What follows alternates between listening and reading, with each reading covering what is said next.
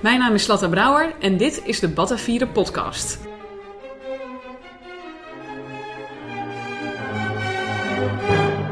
Vandaag een podcast over het pastavarisme en de recentelijke uitspraak van de Raad van State dat dit geen godsdienst is en dus ook niet beschermd wordt door de Wet op Vrijheid van Godsdienst.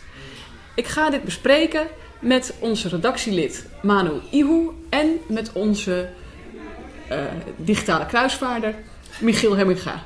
Welkom allebei. Bedankt. Dank u. Dank u. Um, ik denk dat het goed is om eerst even te beginnen met wat is pastafariisme voor de luisteraars die, het, um, ja, die, die, misschien niet bekend zijn met deze zaak. Pastafariisme is geloof ik in 2005 in Amerika opgericht. En het is feitelijk een nepreligie die aantoont dat er allemaal uitzonderingen in de wet worden gemaakt voor verschillende religies. Om even te beschrijven wat het pastafariisme is. Pastafariërs stellen dat de wereld is geschapen door een onzichtbaar vliegend spaghetti-monster. Deze godheid gaf volgens de verhalen tien stenen tabletten aan Mozi, de eerste piraat, die per ongeluk twee tabletten liet sneuvelen.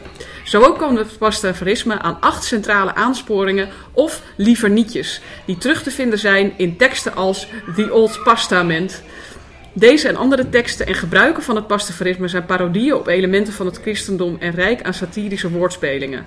De oprichter van de stroming beschreef het vliegende spaghetti-monster in zijn protest tegen het voornemen om op Amerikaanse scholen intelligent design als gelijkwaardig alternatief voor de evolutietheorie te presenteren. Volgens de oprichter zou dan ook het pastafarisme moeten worden onderwezen. Ja, moet je ervan zeggen. Maar goed, dat is dus die, die oprichter Bob, Bobby Henderson. Die, die heeft volgens mij bedoeld een soort reductio ad absurdum te geven. Dat uh, als je inderdaad. Uh, God, als je, als je intelligent design uh, onderwijst, dan moet je alles onderwijzen of zoiets. Omdat je als je dan meerdere. Eigenlijk is dat een interessante aanval op het relativisme natuurlijk in zekere zin. Ja. ja want hij zegt van. Uh, volgens in zijn hoofd is natuurlijk de wetenschappelijke theorie, evolutietheorie is waar. Mhm. En alle andere theorieën zijn onzin dus. Dus als je dan een christelijke theorie zou gaan onderwijzen naast de wetenschappelijke, dan heb je een soort van twee waarheden. En dan wordt Ja. het idee, dan moet je Mhm. alle mogelijke theorieën gaan onderwijzen. Hm. Ja, dat is. eh, Zelfs het pastafariisme. Precies, ja. ja. Dus dat is zijn. eh, ja, misschien dat we even in kunnen gaan op wat die vrijheid van godsdienst precies is. Eh, ik geloof Oh. dat jij de tekst hier voor je hebt, Michiel. Precies. Eh, de, even kijken, hoor, ik heb hem net weggedaan. Ja, hier zie. Ja, dat is althans dus in, in artikel 6 van de grondwet. En er zijn natuurlijk meerdere, dat staat ook in de, de rechten van de mens, staat er een andere tekst. Maar in onze grondwet staat als volgt, artikel 6, lid 1. Ieder heeft het recht zijn godsdienst of levensovertuiging individueel of in gemeenschap met anderen vrij te beleiden, behoudens ieders verantwoordelijkheid volgens de wet. Lid 1. Lid 2. De wet kan ter zake van de uitoefening van dit recht buiten gebouwen en besloten plaatsen regels stellen, dus in de openbare ruimte, regels stellen ter bescherming van de gezondheid in het belang van het verkeer en ter bestrijding of voorkoming van wanordelijkheden. Ja. Ja. In onze Facebookgroep De Ware Batavieren, waar u ook lid van kan worden als luisteraar, hebben we de luisteraars gevraagd wat zij van deze wet vonden. En de poloptie die, het meeste, die de meeste stemmen kreeg, was dat deze wet eigenlijk onzin is en dat iedereen, gelovig of niet gelovig, van welke religie dan ook, zich gewoon aan de bestaande wetgeving moet houden. Wat is jullie eh, visie daarop? Ja, dat, dat- ik vind het natuurlijk flauwekul. Maar Vind ik ook. Maar wat, wat beschermt deze, deze wet precies? Nou, het is een bescherming tegen de staat, daarom staat ook in de grondwet. Ja. Het, het is een waarborg tegen machtswillekeur van de staat, die misschien een bepaalde religie op een gegeven moment zou willen verbieden.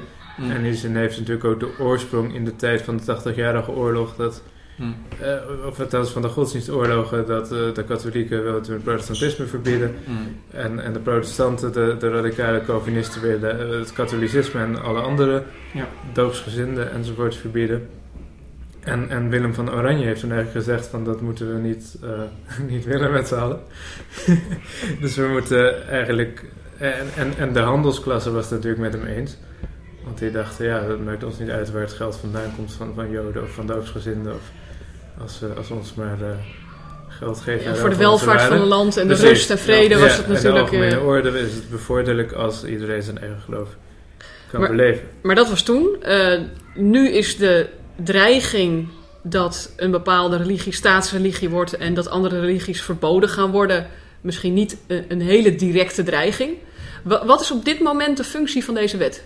Nou, dus een waarborg tegen de staat die misschien eh bepaalde godsdienst. Dat gaat niet alleen, de grondwet is niet alleen voor dit moment natuurlijk, hè, maar Ja. er kan van Ja. alles gebeuren in de toekomst. Het gaat, Ja. gaat echt meer om dat een staat eigenlijk niet het recht heeft om, om de bepaalde overtuiging van iemand privé Mhm. te gaan, eh, te verbieden. En het geweten ook. In dat het heeft geweten te maken met precies. gewetensvrijheid. Dat je eigenlijk niet, niet eh, want je hebt ook gewetensvrijheid en de staat, het kan niet zo zijn dat de staat eh, het geweten van iemand gewoon gaat, ehm, gaat eh, beperken of eh, beoordelen. En daardoor dient deze wet gewoon als, eh, ja, als eh, garantie dat de staat nooit, nooit een bepaalde religie of, of gewet, gewetensvrijheid kan, kan eh, beperken, zeg maar. Ja, en met dus voorbehoud van de openbare orde Ja. enzovoort. Dus als een, als een religie is die hele misdadige dingen wil doen, dan kan dat natuurlijk gewoon. Ja. Kan dat worden verboden? Ja, Maar zolang dat niet zo is, hebben deze mensen wet dat niet? vrijheid. Nee. niet juist, zeg maar. Wat? Want het, het- kijk, in principe, een religie kan sowieso geen misdadige dingen doen. Als ik, eh, of als jij zeg maar je achtertuin ketters gaat verbranden, Ja. eh, dan is dat strafbaar. Of er nou wel of niet een wet is op eh, vrijheid van godsdienst. Helaas, helaas. En toen nam het gesprek een hele andere wending. Ja, nee, dat klopt. Ja? Dus stel dat je dat zou willen, of iets anders tegen de wet zou willen doen dat eh, volgens een bepaalde religie de bedoeling Ja, is. maar dat, dat is natuurlijk bij alle wetsartikelen zo. Dat ze zo geformuleerd zijn dat ze elkaar niet in de weg moeten zitten. Ja, Dus dit recht geldt zolang je niet iets doet wat echt heel erg verboden is. Maar er zijn bepaalde uitzonderingen als het gaat om het dragen van hoofddoekjes, dus op paspoortfoto's of zo. Waarvan de staat dan zegt van ja, daar hebben we niet zoveel last van dat we dat Ja, niet kunnen toestaan. ja, want dat is nu een beetje de- waar in de, huidige realiteit een beroep op deze wet wordt gedaan. Is bijvoorbeeld, je mag geen hoofdbedekking op je paspoortfoto, maar als je moslima bent en je draagt uit geloofsovertuiging een hoofddoek, dan mag je die gewoon wel ophouden. En dat doen de pastafaris dus. Die moeten vanuit hun geloofsovertuiging een vergiet dragen. En daar ging de hele rechtszaak om. Dat Mhm. een dame, een Nijmeegse studente, die wilde met een vergiet op op haar paspoortfoto. En dat mocht niet. Daar gingen ze over procederen. En toen heeft dus de Raad van State uitgesproken dat het pastafarisme geen godsdienst is. En dan vooral vanwege het satirische karakter. Ja, ja. En omdat het niet een Nou, nou coherente de- de- de- levensovertuiging De is. clue al een beetje weg. Ja, maar mensen kunnen dit nemen aan Ja. dat luisteraars op de hoogte zijn van, eh, van het nieuws. En van de uitspraken. Ik maar die willen natuurlijk spannend. onze geniale inzichten Misschien, erover. misschien moeten we even het verloop van die rechtszaak doornemen. Ik, ik heb het een beetje samengevat hier. Ik zal proberen het kort te houden. Maar dus inderdaad de paspoortwet die zegt... in afwijking van het tweede lid... dus in het derde artikel zegt in afwijking van het tweede lid... kan een pasfoto worden geaccepteerd indien de aanvrager heeft aangetoond... dus het moet echt worden aangetoond... Mm. dat godsdienstige of levensbeschouwelijke redenen zich verzetten... tegen het niet bedekken van het hoofd. Ja. Dus het moet echt aan, aantoonbaar zijn dat het echt een harde regel is, ook in dat geloof. Ja. En daarvan zei de rechter dus nu ook al, van, hè, de, de, dus de lagere rechtbank al in Brabant geloof ik, Ja. van eh, dit, ja, dat hele pastafarisme, daar hebben we naar gekeken. Een de rechter wilde eerst, nee, de rechter wilde eerst in het midden laten of het nou godsdienst is of niet, Oké. in eerste instantie. En zei van, we hebben naar gekeken, maar het heeft geen harde geboden überhaupt. Nee, het heeft liever het nietjes. Het heeft liever nietjes. Ja, precies. Dus je kunt helemaal niet zeggen dat het van jou geloof, tussen aanhalingstekens, Ja. Dat je het nou echt verplicht bent om dat, Mm. dat vergiet op de foto ook op te hebben. Ja. ja. En toen is hij natuurlijk in beroep gegaan en heeft gezegd van ja, maar de rechter mag er helemaal niet over oordelen wat mijn geloof zegt. Want dat is, Ja, want dat is heel zaak. apart, hè? Want de recht ga- rechter gaat in deze dus een uitspraak doen over Ja. wat je wel en niet volgens je geloof mag. Ja. En dat is natuurlijk een hele is, raar... ook, het is ook op zich merkwaardig, dus nou, prima dat ze daar de bezwaar tegen Ik vind het eigenlijk gewoon in die zin een hele nuttige zaak dit, Ja. want het wordt wel helemaal eh, uitgespit. Ja, En toen is het inderdaad dus in beroep ge- gekomen en heeft ze gezegd van ja, mijn geloofsovertuiging eh, verzet zich wel degelijk tegen het onbedekt laten van het hoofd. Ze heeft daar bewijsmat een grote hoeveelheid bewijsmateriaal. Dit komt dan uit, de, uit het, eh, hoe heet het, het, eh, het rechts eh, ding, ja, het dossier. het dossier, de, de uitspraak, gewoon de tekst van de uitspraak. Ja, Dus een grote hoeveelheid bewijs is overlegd door de appellanten, waaruit blijkt dat zij consequent buitenshuis een vergiet draagt, ondanks de negatieve consequenties die dat teweeg heeft gebracht en dagelijks brengt. Tja. Ja, Kun je nagaan. arme vrouw. En dat allemaal om een punt te maken. Ja. Er is dan ook geen enkele indicatie dat Appelante haar vergiet draagt om een andere reden dan omdat haar geloofsovertuiging haar dat ingeeft. Nee, het is niet een, handige manier van transporteren of zo. Nee, ja, ja wat het precies. eh, het staat bovendien. Oh, dit is ook mooi. Ook staat het dragen van het vergiet voor Appelante symbool voor het scheiden van belangrijke en onbelangrijke of onwenselijke zaken. Dat is voor haar. Dat is voor haar ook hoe zij vindt dat zij haar leven en haar gedachten moet ordenen en hoe zij, zij haar spiritualiteit beleeft. Aan de belangrijke dingen vasthouden en de triviale dingen loslaten. Ja, het water van de pasta scheiden. Ja, zoiets. Ja, ja, ja. Dat is wel- Prachtige symboliek in dat pastafarisme. Dat had je niet verwacht, hè? Nee. nee. Wat ik wel apart vind aan deze zaak is dat de overheid, de staat, die in principe los zou moeten staan van religie in onze samenleving, dat die uitspraken gaat doen over wat wel en niet een religie is. Ja, maar dat moet natuurlijk Dat moet natuurlijk de om- godsdienstvrijheid. Precies. Dat moet natuurlijk omdat de staat in, ook in, in ihre maatstaf moet hebben om, eh, om eh, eh, alle re- religies gewoon eh, de vrijheid te kunnen laten, zeg maar. En wat Michiel ook net zegt, gewoon ja, vrijheid om eh godsdienst uiting, zeg maar. De staat moet ook kunnen bepalen wat een religie is en hoe Ja, in welk kader eh, religies moeten kunnen functioneren. Daardoor heeft de staat ook, ja, het is ook no- noodzakelijk voor de staat om eh, zoiets te doen eigenlijk. Dat aan, aan de ene kant, je hebt de staat die zegt dat, dat, dat hij ehm, eh, ja, echt ehm, een soort bemiddelaar is van wat is een Mhm. religie of niet. En aan de andere kant mag de staat ook niet eh, zomaar de gewetensvrijheid of godsdienstvrijheid van mensen beperken. En die wet dat Michiel net noemde, dient juist daarvoor, zeg maar. En om de religies te beschermen, maar ook om, eh, om de vrijheid om de stad te kunnen laten, om, om te bepalen wat en niet wat een religie is, namelijk. Ja, en welke uitzonderingen dus Precies. kunnen worden toegelaten en welke te ver gaan. ja, Eh, maar je kunt dus geen uitzondering op basis van je religie bedingen Ja, als burger, ja. als, je, als het geen religie is. Dus dat is Ja. natuurlijk wel een wezenlijke eh, stap in deze rechtsprocedure. Ja, ja, precies. Maar dat brengt ons wel tot de vraag wat religie dan is. Want Ja. er zijn natuurlijk heel veel verschillende levensovertuigingen, verschillende Hmm. manibijvoorbeeld om spiritualiteit Ja, ja, te ja. beleven. Eh, georganiseerde varianten of Ja. juist totaal niet georganiseerde Hm. varianten. Eh, bijvoorbeeld het telema waarin het centraal staat wat je eigen persoonlijke wil is. Ehm, Ja. Ja. boeddhisme, waarin Misschien ook nog niet eerst iets, even op- eh, wat, wat het Hof daarover gezegd heeft. Dus oh, het gaat hier dus over de Raad van State. Ja. Inderdaad, een, de, de burgerafdeling bestuursrechtspraak. De Raad van State heeft natuurlijk twee poten, zeg maar. de, Mhm. dus de, de rechtsprekende tak en de tak die advies geeft aan de regering. Wat eh, soms ook eh, tot interessante situaties leidt, maar dat terzijde. Zodat ze hun eigen...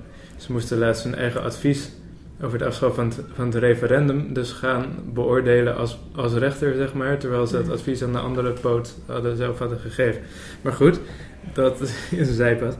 Maar hier hebben ze dus gezegd dat ehm, ja, die, die vrouw, die appellant, die student heeft... Hoe heet, hoe heet het kind? ja, appellanten of zoiets. Ja, nee, Nee, maar hoe heet ze van haar naam? Oh, eh, dat weet ik niet eens. Oh, Dat weten we niet. Nee. Nou ja. die- Het is trouwens voor de luisteraar wel interessant. Er is in, bij Café Wel- Weltschmerz onder collegaatjes een interview met haar geweest door Paul Cliteur. Waar zij dus helemaal ingaan op wat het pastafarisme is. ja, dat heb langskomen. ja, dus dat Ja. is even een tip voor de luisteraar. Ja, dan kun je het ook uit eigen mond horen. Ja. Maar zij heeft dus betoogd dat het wel, hè, dus omdat ze inderdaad eh, consequent een vergiet draagt, dat ze dus wel eh, religievrijheid moet Mhm. krijgen toegekend. Zoals vastgelegd in het Europees Verdrag voor de Rechten van de Mens. En dat ze het ook zou voldoen aan de, de jurisprudentie, de criteria die in de jurisprudentie van het Europese Hof voor de Rechten van de Mens ehm, zijn gesteld. Namelijk, in het Engels, een bepaald level of coherence, cogency, importance and seriousness. En dat wordt door de Raad van State vertaald als overtuigingskracht, ernst, samenhang en belang. En zij betoogt dus onder meer dat de geschriften van de kerk van het Vliegend Spaghetti Monster ehm, weliswaar in een satirische vorm zijn gegoten, maar dat duidt niet op, op een gebrek aan serieusheid. Zegt zij. Ja, Maar goed, dat is natuurlijk net de crux, want dat, dat doet het natuurlijk wel. Als je een satirische tekst hebt, wat een soort belachelijk maken van het evangelie is, van Genesis, van het Onze Vader Mhm. en van de tien geboden, daar komt het ongeveer op neer. ja.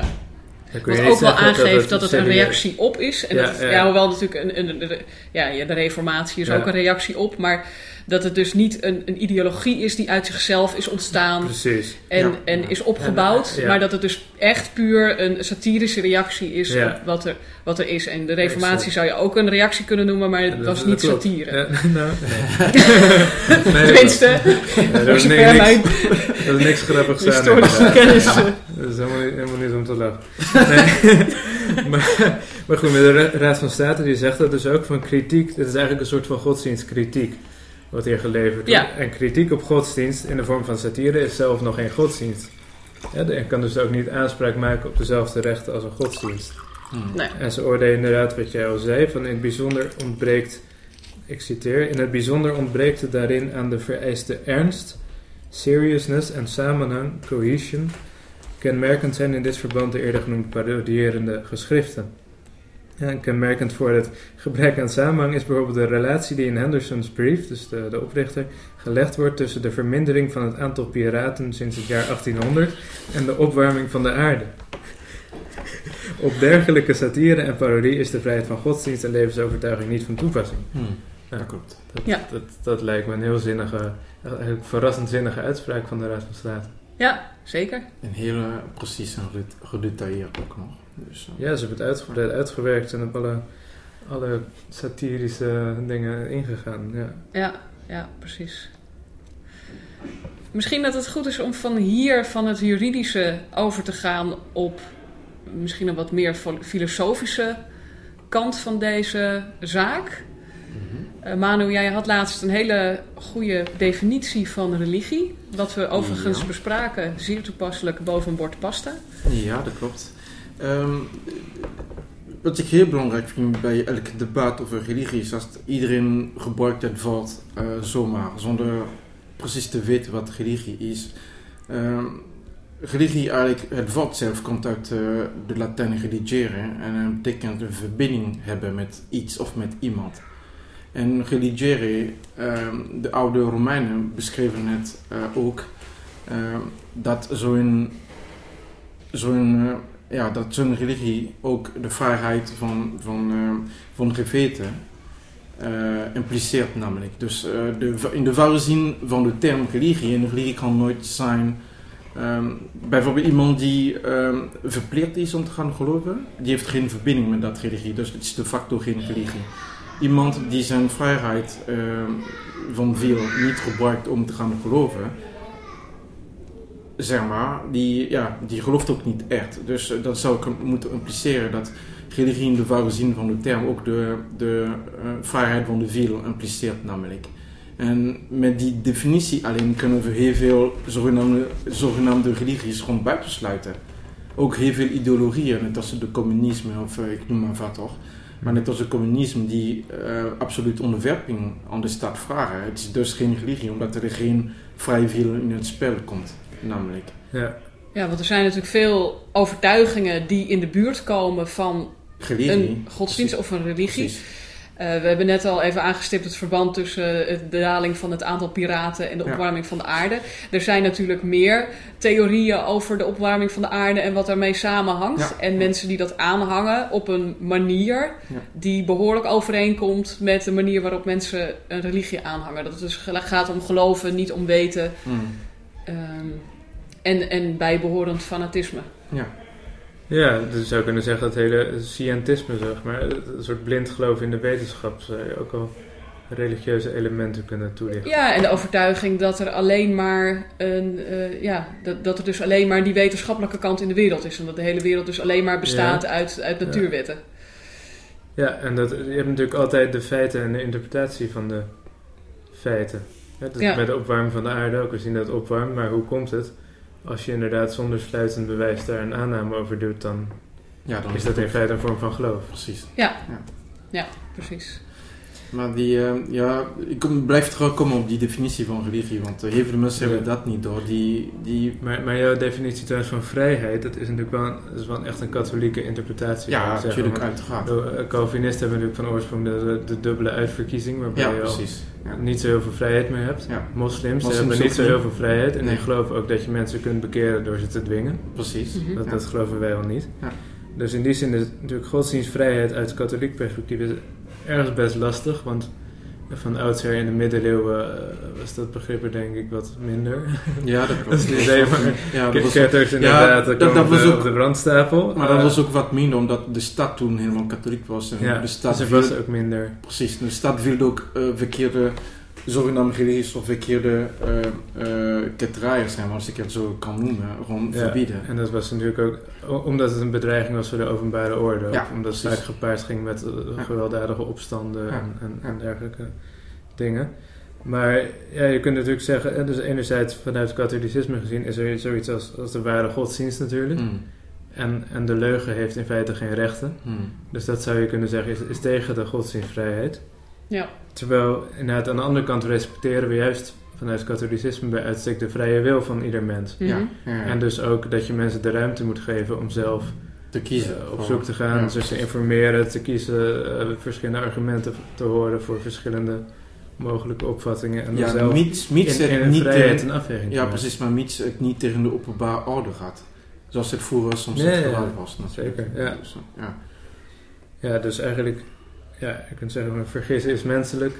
En, en niet iedere vergissing moet je willen verbieden ook natuurlijk, als Ja, staat. ja. Want dat is, Ja. mensen hebben die Ja, vrijheid dan, ga je naar iets totalitairs toe. Ja, Als, je, als je echt alles wil uitsluiten binnen, Ja. een, eh, binnen een staat. ja, en dat is natuurlijk in het algemeen met de wet. Want er zijn heel veel dingen die zijn immoreel, maar die wil je niet allemaal eh, verbieden zodanig dat mensen in de gevangenis komen als, Mm. eh, ja, als ze iets doen wat, wat niet helemaal netjes is. Ja. Ja, Dus dan krijg je een, politiestaat inderdaad. Ja, ja. En dan heb je weer geen openbare orde en Nee. vrede en, en dat soort is er dingen. niemand meer op straat. Nee, Nee, Nee, gevangenis. precies, Eh, precies, precies. precies. Zit er volgens jullie een verschil tussen godsdienst en eh, religie? Ja, maar dat is, Ja. is dus maar net hoe je het invult. Maar uh, Manu die heeft net al iets gezegd. Ja, ik zie het zelf, maar dat is meer een alledaagse interpretatie. ik ben geneigd een religie breder te zien eigenlijk. Hmm. Dat bijvoorbeeld boeddhisme zou je een religie kunnen noemen misschien. Ehm, maar niet een godsdienst, omdat ze geen god kennen. En Hmm. zoals pastafarisme zou ik zeker geen godsdienst noemen, want Mhm. dat heeft niks met God te maken. Hmm. Ja, Maar Nee. goed, dat zeg ik ook als Nou katholiek. ja, het voor mij is vliegend het spaghetti monster is hun godheid, hè? Dat, dat zien zij Ja, als een god. Ja, godheid. Ja, maar dat Ja. is niet... Ja, wat ik wel Dat is niet- vind... dat is niet hun, ja, maar oké. Maar wat, ik, wat ik wel vind is dat er Ja. men gebruikt heel veel termen zonder precies eh, naar de Ja. oorsprong van, of de, betek- eh, de betekenis van, van eh, die woorden te gaan. En dat vind ik heel jammer in, zo'n debat namelijk. Want je hebt de religie en god, goddienst en eh, al die termen. Men gaat Ja. niet naar de bron van die woorden. En men Ja. gebruikt die woorden om om zonder te weten wat het betekent. En dat is wel jammer in Mhm. onze tijd nu dat men ook niet echt meer geleerd is- in, in ja, Ja. en in de filosofie, maar ook eh, Maar, zou jij zeggen dat religie eh dus wel per se in verbinding met God moet zijn? Want het is natuurlijk samenbinden. nou, de oude, defini- de oude definitie van de van term, de oude definitie Ja. van de term, eigenlijk volgens de, Ja. de Romeinse Rijk impliceert dat je Dus- dan een verbinding krijgt met God of God. En dat ging natuurlijk over een polytheïstische Precies. samenleving. Exact. Eh, in de moderne samenleving is dat een beetje veranderd sinds de reformatie, zeg maar. Iedereen ging religie, net als de, eh, de protestantisme, ook als religie zien. Omdat de protestanten uiteraard ook eh, in God geloven en ook in, in Christus, Jezus Mhm. Christus en zo. En in onze moderne tijd is het nog veel erger geworden. Alles werd in religie, zeg maar. Dus ook soms levens eh, ideologieën, zeg maar. Dus als je dan bijvoorbeeld net als het... ja, stel voor dat je dan echt daar iets doet, dan ziet men het soms als religie. Dus ik vind dat men moet teruggaan naar een bepaalde eh, discipline, wanneer je dan een, bepaalde woord gebruikt. En het is wel jammer dat iedereen de woorden maar zomaar gebruikt zonder te weten waar het vandaan komt. Maar hebben we nou eigenlijk wel een nauwe definitie? Want hoe jij het net noemde Ja. als relatie tot God waarin je een bepaalde vrijheid heeft, Ja, laat vrij weinig religies over. ja precies. Eigenlijk, want je sluit dan de islam uit, je sluit Ja, omdat, eh, ja, omdat die- bijna alle vormen van eh, protestantisme uit. Ja. Ehm, dus dan- nou, dat zou Nou, ja, Nou ja, ja, nou ja, ja, misschien. Ik kan het ook heel precies maken natuurlijk, Mhm. maar ik ga altijd terug naar de oude Romeinse eh rijk definitie zeggen. Dat je dan een verbinding moet hebben met, met eh, God of goden. Dus ja, en dat op zich laat, heeft, dat laat wij niet andere zogenaamde religies over. De islam sowieso niet. Want je moet jezelf onderwerpen aan iets. En onderwerping Ja, zonder ja. het gebruik van een eigen vrije wil. ja, Maar is dat geen verbinding? Dat is juist de vraag, want de, de oude Romaanse Rijk, die noemen, die, bij hun is de vrij veel bepalend, zeg maar. Voor dat religieus aspect. Dus dat je dan ook inderdaad met je hele geweten ja zegt. Als je een andere zogenaamde religie, religies neemt, dan vraag je wel, jezelf wel af hoe, in het hoeverre iemand met zijn geweten ja zegt. Is het omdat zijn hele cultuur Mhm. in een religie heeft, of is het omdat hij eh, eh, ja, verplicht werd om dat te volgen, Mhm. of, of is het omdat hij zelf eh, onderzoek heeft gedaan en denkt van, oh ja, dit wil ik. Ja, en het geweten is natuurlijk ook iets heel breeds. Want mensen die dus ja, misschien communist zijn of, of in een hele Ja, klimaatding, Ja, die dat, hebben dat ook een andere gaat soort ook geweten. om hun geweten, ja, zeg maar. maar vandaar dat, dat geweten, ehm, de Romeinse wet eh, preciseert ook dat het geweten eh, eerst goed gevormd moet zijn, zodat iemand een goede keus kan maken. En Mhm. hoe, hoe, je, hoe meer je dan een goede keus kan maken, hoe vrijer je bent namelijk. Ja, dus je hebt natuurlijk ook positieve en negatieve vrijheid. Precies, exact. Dus Ja. De positieve vrijheid is dat je juist in staat bent om voor iets te kiezen. De negatieve vrijheid is wat we meestal denken, alleen maar van de, niemand eh, verbiedt me iets. Ja, Ja, precies. ja. Of zo iedereen doet Ja. het, dus ik doe het ook. Dan heb je niet Nou, echt goed nagedacht over wat je Ja. moet doen. Dan heb je geen vrije keuze gemaakt. Omdat, omdat iedereen doet het, dus ik doe het ook. Ja. Dus je bent mijn volger. In die zin gebruik je ook je eigen geweten bijna niet, namelijk. Mhm. Maar binnen die definitie gaat het heel erg naar, naar, naar spiritualiteit, denk ik. En Mhm. de Raad van State gaat natuurlijk ook heel erg uit van... wat voor regels zijn er in je religie? Is dat coherent met elkaar? Dus die laat eigenlijk die he- dat hele geweten en het hele ja, Ja. eh, metafysische aspect Ja. misschien... Laten ze volledig buiten beschouwing.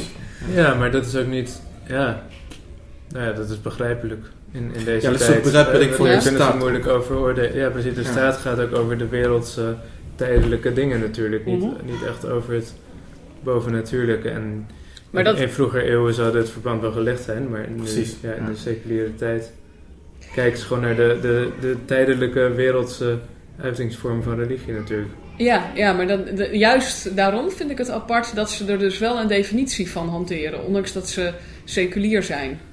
Ja, maar het is, het is ook geen volledige definitie. Het zijn een aantal criteria. Dus de, Ja. de ernst, samenhang. eh, nou, wat is er nog meer? Eh, serieusheid. Ja, dat is zo.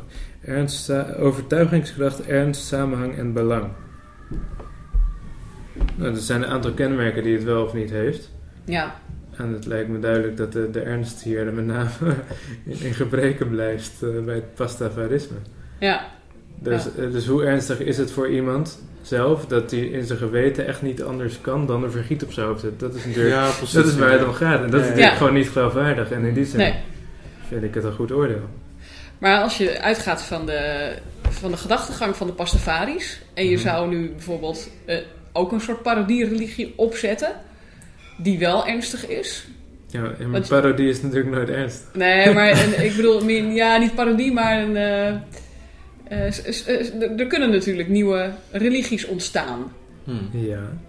Eh, Je ziet al die New Age ontwikkelingen, daar, daar Ja. ontstaan ook allerlei... eh, ja, maar die zijn- hebben over het algemeen juist bijzonder weinig voorschriften. Dat, Ja. dat, dat, Ja, precies. dat is allemaal wat je, doen wat je zin in hebt. ja, Ja. ja, precies. Dus die komen niet zo snel dan van ik moet een vergiet op mijn hoofd zetten. Nee, nee, die zullen niet zo snel gaan procederen. Maar dat is natuurlijk wel, als je het over de realiteit hebt van de wetgever, kijkt vooral naar de praktische geboden, zeg maar.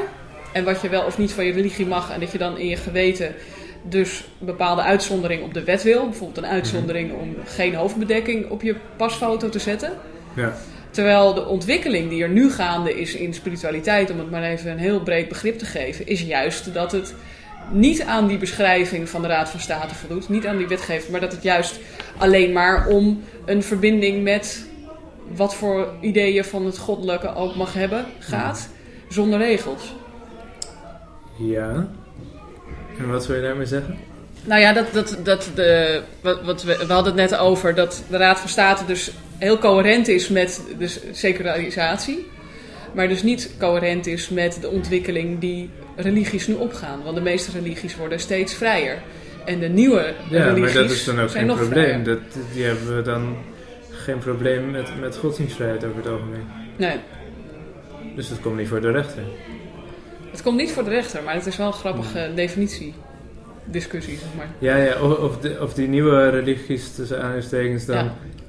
dan ehm, volgens de Raad van State echt een religie zouden Precies, zijn. ja, boeddhisme bijvoorbeeld. Nou, boeddhisme Dat zou je is al niet echt nieuw natuurlijk, hè? Maar, Nee, ja, eh, maar- hier wel misschien. Maar, Hier wel, en natuurlijk de, Nou, wel, interpretatiewijzes zijn wel natuurlijk heel Ja, ja, modern. Ja, dat is waar.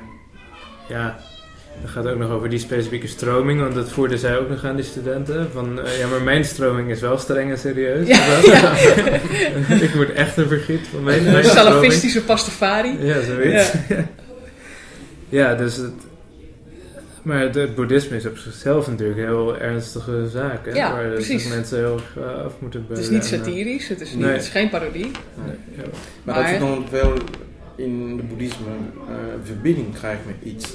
Maar de Nee, vraag. dat is eh, Vooral verbinding vraag. met jezelf. Ja, oké. Ja. Maar, Ja, je moet geen- jezelf vooral opheffen. Of zo, Ja, hè? precies. Dus dat is een negatieve Maar dan- verbinding met maar, jezelf. maar als je dan het eh, geen... non-dualisme. Maar als je dan in Nee, geen, dat is wat anders. als je dan geen metafysische De concept, één. En, als je dan geen metafysische eh, concept van God Ja. hebt, zeg maar, dan vind ik het heel moeilijk om een religie te noemen.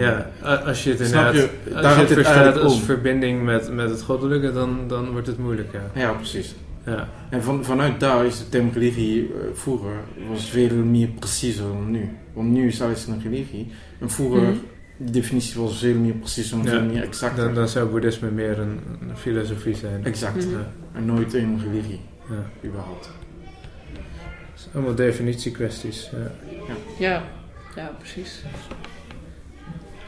Dus ja, ja eh, goed. Zijn er nog dingen die jullie ten eh, aanzien van dit onderwerp graag te tafel?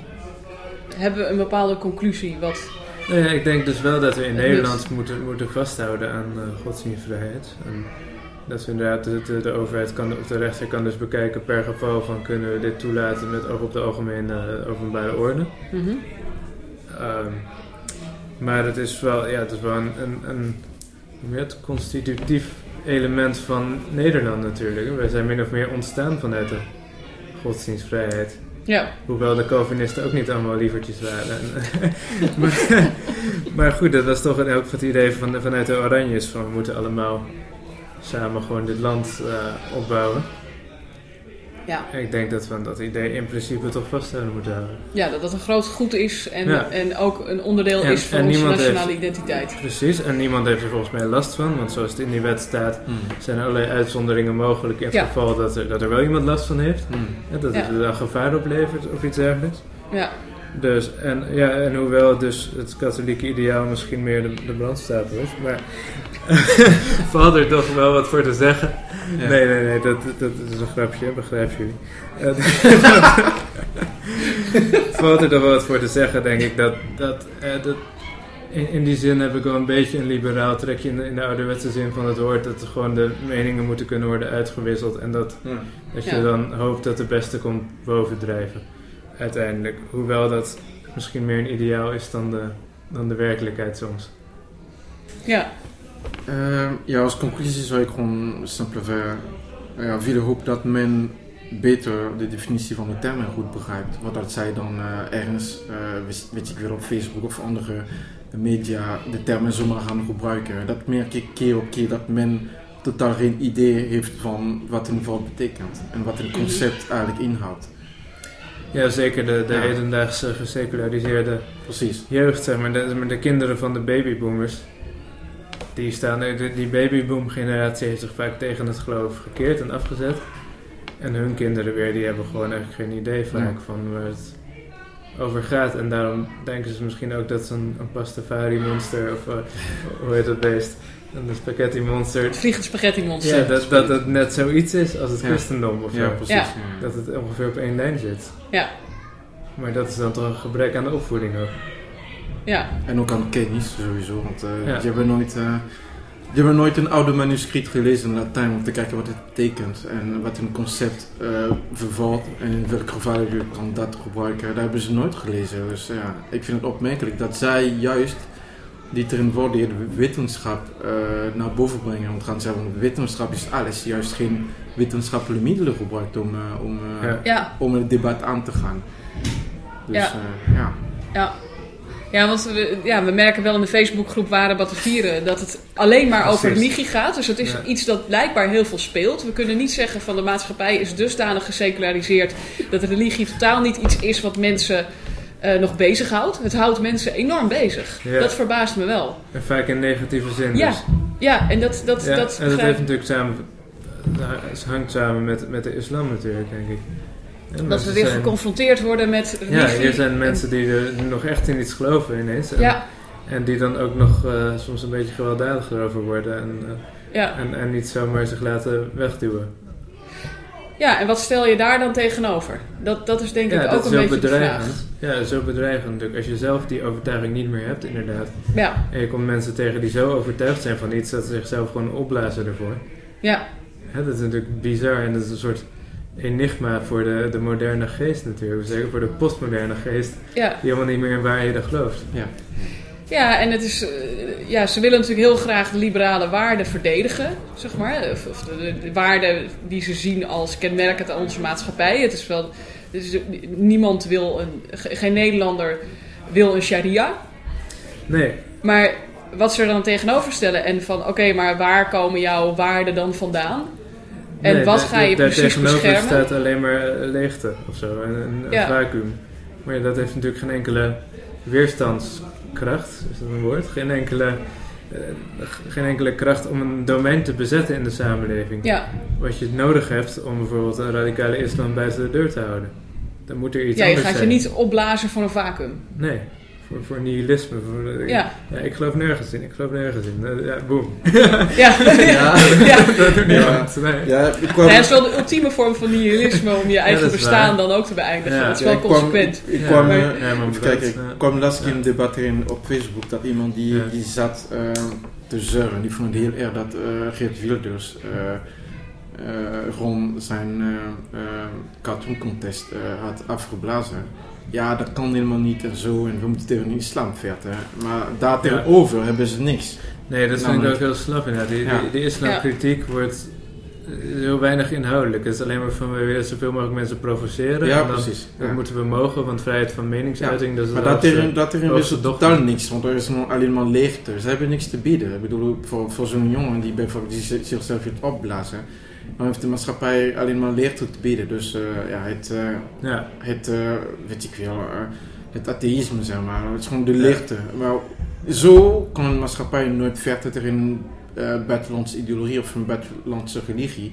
Net als de islam of andere religies die dan bijvoorbeeld hun eigen, of bijvoorbeeld idealen van Europa willen nee, en, daarom Ja. snap ik het ook heel goed inderdaad. Als, als mensen, immigranten hier komen, moslims, en die denken van ja, moet ik hierin integreren en me aanpassen aan, Ja, aan niks eigenlijk. niks. Ja. Dat, Ja, ja, dat, dat, ja. dat is niet echt Ja, overtuigend. aan een bepaalde vrijheid of zo. Ja. Of, Maar die vrijheid is natuurlijk helemaal niet dwingend. Natuurlijk. Nee. Dat, dat voelt niet als iets waar je aan moet gaan aanpassen. en het is geen perspectief.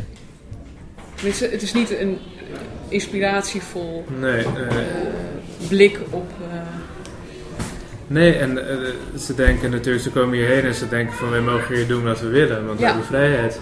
en dus zullen ze praktiseren waarmee ze zijn opgegroeid en wat hun overtuiging is. Ja. Wat, wat ook mag, hè, op zich. Maar, maar het is dus als we, als we dan vervolgens boos zijn dat mensen niet integreren, dan moeten we ons wel de vraag stellen van waarin zouden ze dan moeten integreren. Ja. Ja. ja. Het lijkt me interessant om dit gesprek misschien af te sluiten en het aan de ware Batavieren over te laten om hier hun meningen over te duiden. Want ik zie de, heel vaak dat de Facebookgroep af en toe vastloopt in eh, de, het atheïstenkamp die dus eigenlijk heel boos wordt. En dat verbaast Ja. me altijd. Stel dat jij zegt van eh, paarse olifanten bestaan. En ik zeg van nou Michiel, ik heb er nog nooit een gezien. En, en er is Ja. ook niks over gedocumenteerd. Dus ik denk niet dat die paarse olifant bestaat. Maar als jij dan Nee. zegt nee, maar ik geloof ook echt in die paarse olifant. Dan ga ik niet boos op jou worden, zeg maar. Denk ik van nou ja, je, zak er maar in. Ja. helemaal. Ja, precies. En, en het, het, het grappige wat, wat ik dus zie in die discussies... is dat eh, met name eh, de, degenen die het meest geraakt zijn... en het meest emotioneel worden... zijn degenen die dus atheïst zijn. Ja, die geloven eigenlijk nog het hardst eh, in, Ja, in, eh, ja. in, in niets. Ja, eigenlijk, ja. ja, en dat, dat, dat, dat vind ik dus... En ik, ik Ja, ben dus benieuwd waarom deze is het zo podcast er- confronterend? Ja. ja, dat vraag ik me ook wel. waar vecht je dan tegen? Ja. Als iets niet bestaat, dan is er toch ook niks aan de hand? Ja, precies. Ja. Ja. Nee. Dus eh, ik, ik ben benieuwd of we met deze podcast een discussie kunnen aanzwengelen die misschien, ja, waar, waar mensen misschien gaan nadenken wat religie is. En, en eh, wat, hun, eh, wat hun standpunt daartegenover is. Dat zou ik wel interessant vinden.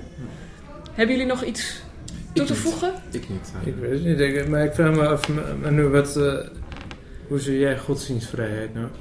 In, in katholiek Eh, perspectief. Een katholiek perspectief? eh, nou, laten we zeggen dat. Het is een heel lang verhaal als ik het helemaal moet uitleggen. Maar ons, Samenvatting. ja, de samenvatting, je hebt drie gevallen namelijk. Eh, drie soorten staten. Eh, in stad waar de katholieke religie de minderheid heeft, daar, heeft, daar is altijd godsdienst van, eh, of vrijheid van god- godsdienst eigenlijk. Maar De minderheid of de meerderheid? meerderheid. Oh, de meerderheid. Ja, de meerderheid. Eh, daar bestaat altijd een, een vrijheid van godsdienst. Maar de staat doet het beste voor de katholieke geloof. Omdat de katholieke geloof natuurlijk de minderheid is. En je hebt de tweede geval waar... Meerderheid. Ja, de meerderheid. Ja, Ja, dat is minderheid. Als je, ja, oké. ja. Ja? En je hebt het tweede geval waar de katholieke geloof eh, niet de meerderheid is. Maar, veel, maar wel misschien de helft van een staat. En daar eh, gaat de staat ook de, god, de vrijheid van godsdienst gewoon beoefenen. Maar met gelijke, ehm, met gelijke kansen en gelijke Mhm. eh, eh, opportuni- eh, opportuniteiten voor alle religies. En dan je hebt de derde geval waar de katholieke geloof in, in de minderheid zit.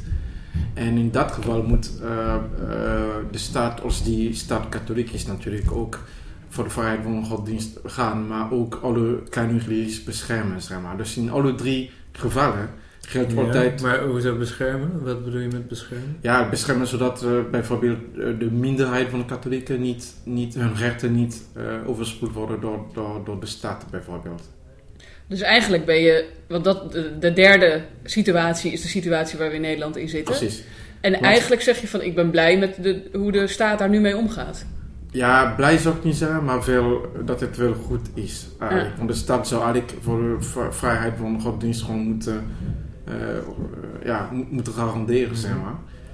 Ja, maar je zegt dus zelfs als de, eh, de katholieken de baas zijn, zeg maar, dan geven ze wel vrijheid van godsdienst. Nou, vroeger, het, in de geschiedenis, Ja. toen de katholieken de basis waren, gaven, zij ook eh, de, eh, de vrijheid van god- godsdienst. Alleen het, het alleen, Rijk. Precies, Ja. alleen het was veel gelimiteerd. Want het mocht niet zo zijn dat een protestante eh, persoon. eh, het ging vooral om de orde of de openbare orde. Dus een Mhm. protestant persoon ging eh, ja, gewoon kerken bekogelen met, met een fles of zo. Met, of, of weet ik veel. Demonstraties doen die. natuurlijk constant, ja. ja, precies, die, die, die violent waren, zeg maar. Eh, ging de stad ingrijpen. Ja, want de- de- natuurlijk de eerste protestanten waren een soort van pseudo-communisten ook, hè? De, de, de pro- proto-protestanten, zeg maar, in, in, ja, in in Tsjechië dat, en zo. in, in dat zin. De wel. Hussieten. En Ja. dat Ja. waren allemaal, eh, Ja, waren allemaal terroristen in feite. Gewoon Ja. Net de, de, de Anabaptisten. en zo. ja, Ja, ja. Ja, ja, wel eh, echt legertjes. wederdopers. Ja. Ja. Dus in dat geval ging de katholieke kerk altijd zeggen van nee, eh, het, het stoorde openbaar orde, dus die gaan we niet eh, toelaten. Dus, eh, maar ja, eh, volgens mij, het heeft toch mee te maken met meer met geschiedeniskennis. Mensen zouden meer in de boeken moeten induiken in plaats van in posts die je op Facebook lezen en daarover hun mening vormen. Want ik merk heel vaak dat mensen totaal niks weten. Die gaan nooit in een boek opduiken om, om te gaan kijken in die situatie in dat jaar, wat is er precies gebeurd namelijk. En wat raad jij de, de Battenvier aan om te gaan lezen? Ik, ja, ik zou zeggen, je hebt, ehm, je hebt eh, heel veel werken, zeg maar, die over, de, de, die, die over Oud-Europa gaan, zeg maar, hoe, hoe de maatschappij toen was. Ik kan nu geen auteur noemen, want die ben ik gewoon vergeten. Mhm. Maar ik heb sowieso eh, boeken thuis en, eh, en lijsten thuis. Die zou ik gewoon misschien een keertje ooit op Facebook moeten gooien of zo. Maar men zou veel meer uh, geschiedeniskennis moeten hebben. In plaats van, Ja.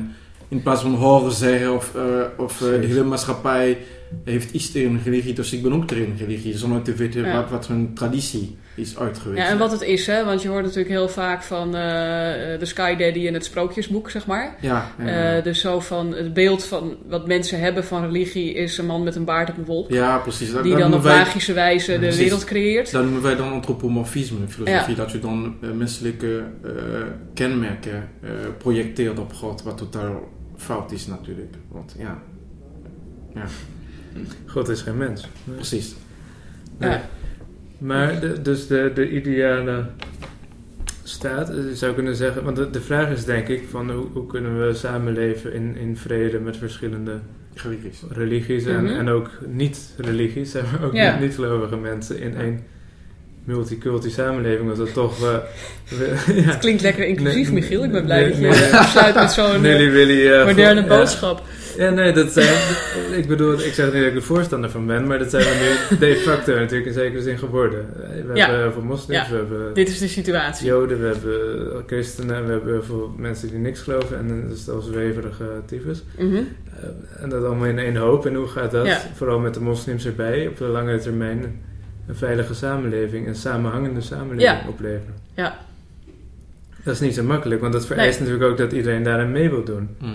Ja, want het, ja, inderdaad, niet alleen wij moeten dan het idee hebben van iedereen Ja. mag doen wat hij lekker wil, maar dat, moet, dat, moeten idee moeten moslims ook, hebben. En dat, dat, daar, daar wringt de schoen een beetje, geloof ik. Ja, daar wil het af en toe nog wel eens. eh, nou ja, Ja. Daar, daar ben ik wel eens eh, bang voor dat op een gegeven moment de islam eh, heel veel gebruik gaat maken van de vrijheid van godsdienst. Ja. En dat het dus op een gegeven moment alleen de islam dient. En dat lijkt me wel Dat een nadeel ik. van deze wet. Dat denk ik dat die, die neiging eh, inherent is aan de islam inderdaad. Om gewoon de...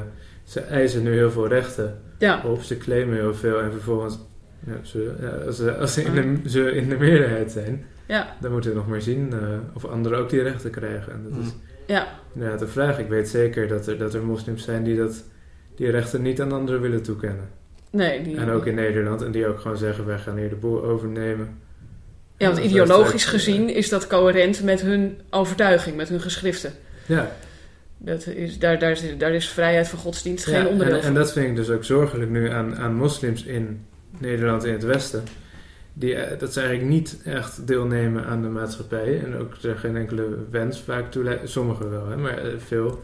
Geen enkele wens lijken te, te hebben daartoe. En eh, zich eigenlijk afscheiden in eigen buurten en eigen gemeenschappen. En, en denken van zakken jullie maar in de, in de decadente stront. Met z'n allen. ja, Dat jouw woorden. met je- met, je- met je gay parade en wat ik wil. En ze zien Ja. het hier gewoon instorten. Ja. En ze denken van wij wachten aan de zijlijn netjes af. Ja. En dan straks nemen wij de boel gewoon over. Ja, het Dat, hele eh, liberale denken is in zichzelf destructief.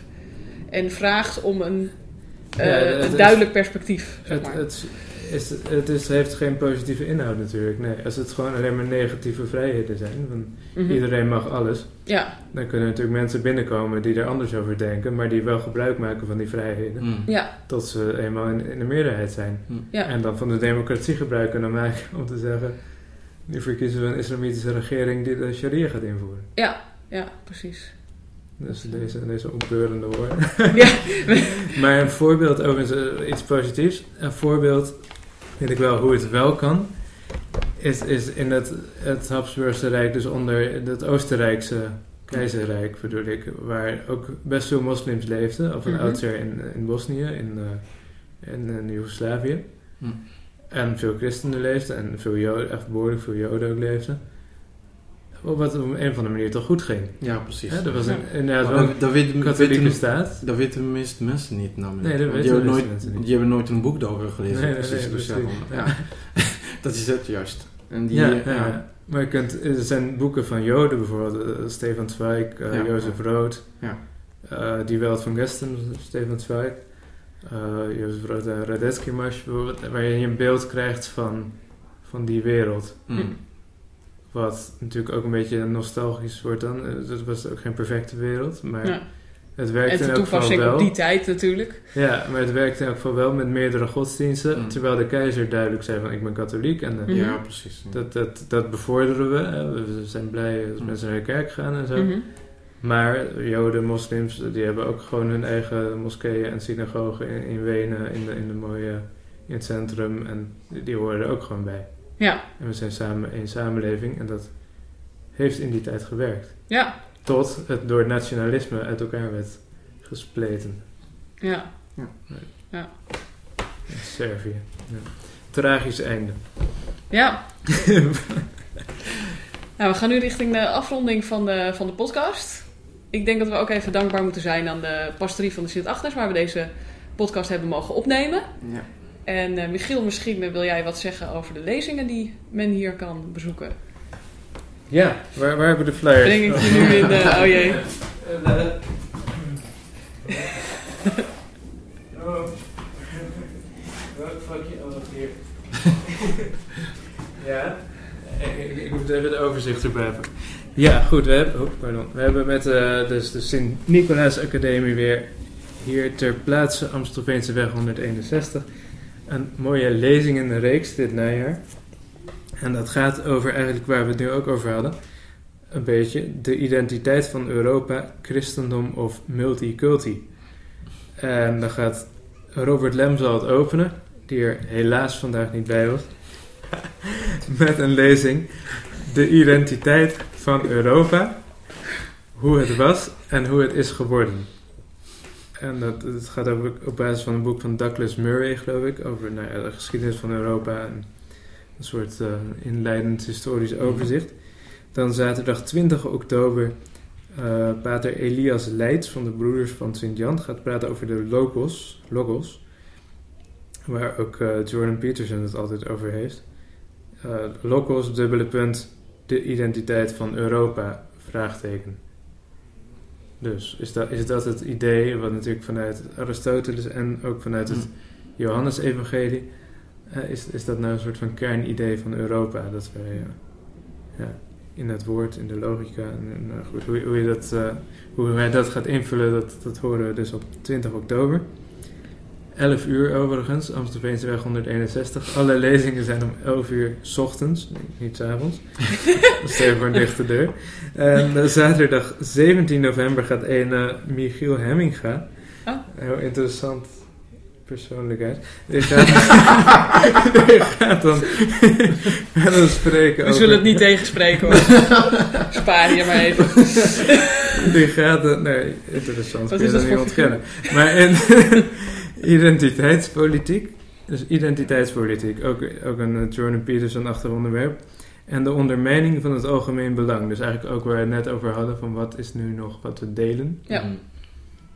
En hoe wordt het ondergraven door, door identiteitspolitiek als ja, dat alle eh, individuele belangengroepen die een of andere identiteit hebben van zeg maar, een kleurtje of ze hebben een bepaalde Hm. seksuele een, ja, ehm, Dysfunctioneren. ja, zou ik het netjes zeggen? Ja, goed. eh, ja, ehm, ja, oriëntatie noemt men dat tegenwoordig. Ah. Met, met een net woord. Ehm, nou ja, nee, wa- wa- wat dan ook. Maar mensen zeggen van wij hebben een bepaalde identiteit, wij zijn een minderheid en we hebben daardoor allerlei rechten.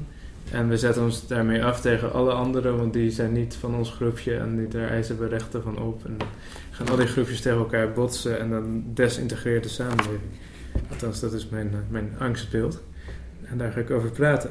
Op 17 november, 11 uur, Amstelveenseweg 161. En dan zaterdag, zaterdag 15 december komt Damian Meeuwissen, een ehm, emeritus professor rechtsfilosofie en staatsrecht, die ook heeft meegeschreven overigens aan de laatste editie van de grondwet, een eh, laatste grondwetswijziging. Eh, die praat over de grondslag van de Europese integratie van de vrijheid in het christendom, de Joodse traditie en tussen haakjes ten dele de islam. Dus het, het wordt een, eh, een heel filosofisch verhaal over de, Mhm. ja, wat, wat de Europese idee van vrijheid nou eigenlijk inhoudt. En dat is 15 december, ook om 11 uur, Amstelveenseweg 161. Eh, Nou, ik denk dat de luisteraar het adres in ieder geval goed bij zal blijven. Heel goed, heel goed. Ja, en en het is gratis toegang overigens. En we collecteren alleen voor de onkosten achteraf om een, eh, een vrijwillige bijdrage. Helemaal goed. Nou, beste luisteraars, ik hoop dat, eh, dat u dit gesprek waardevol heeft gevonden. En ik bedank de heren voor hun bijdrage hieraan. En graag tot de volgende keer. Dank u zeer. Dank u wel.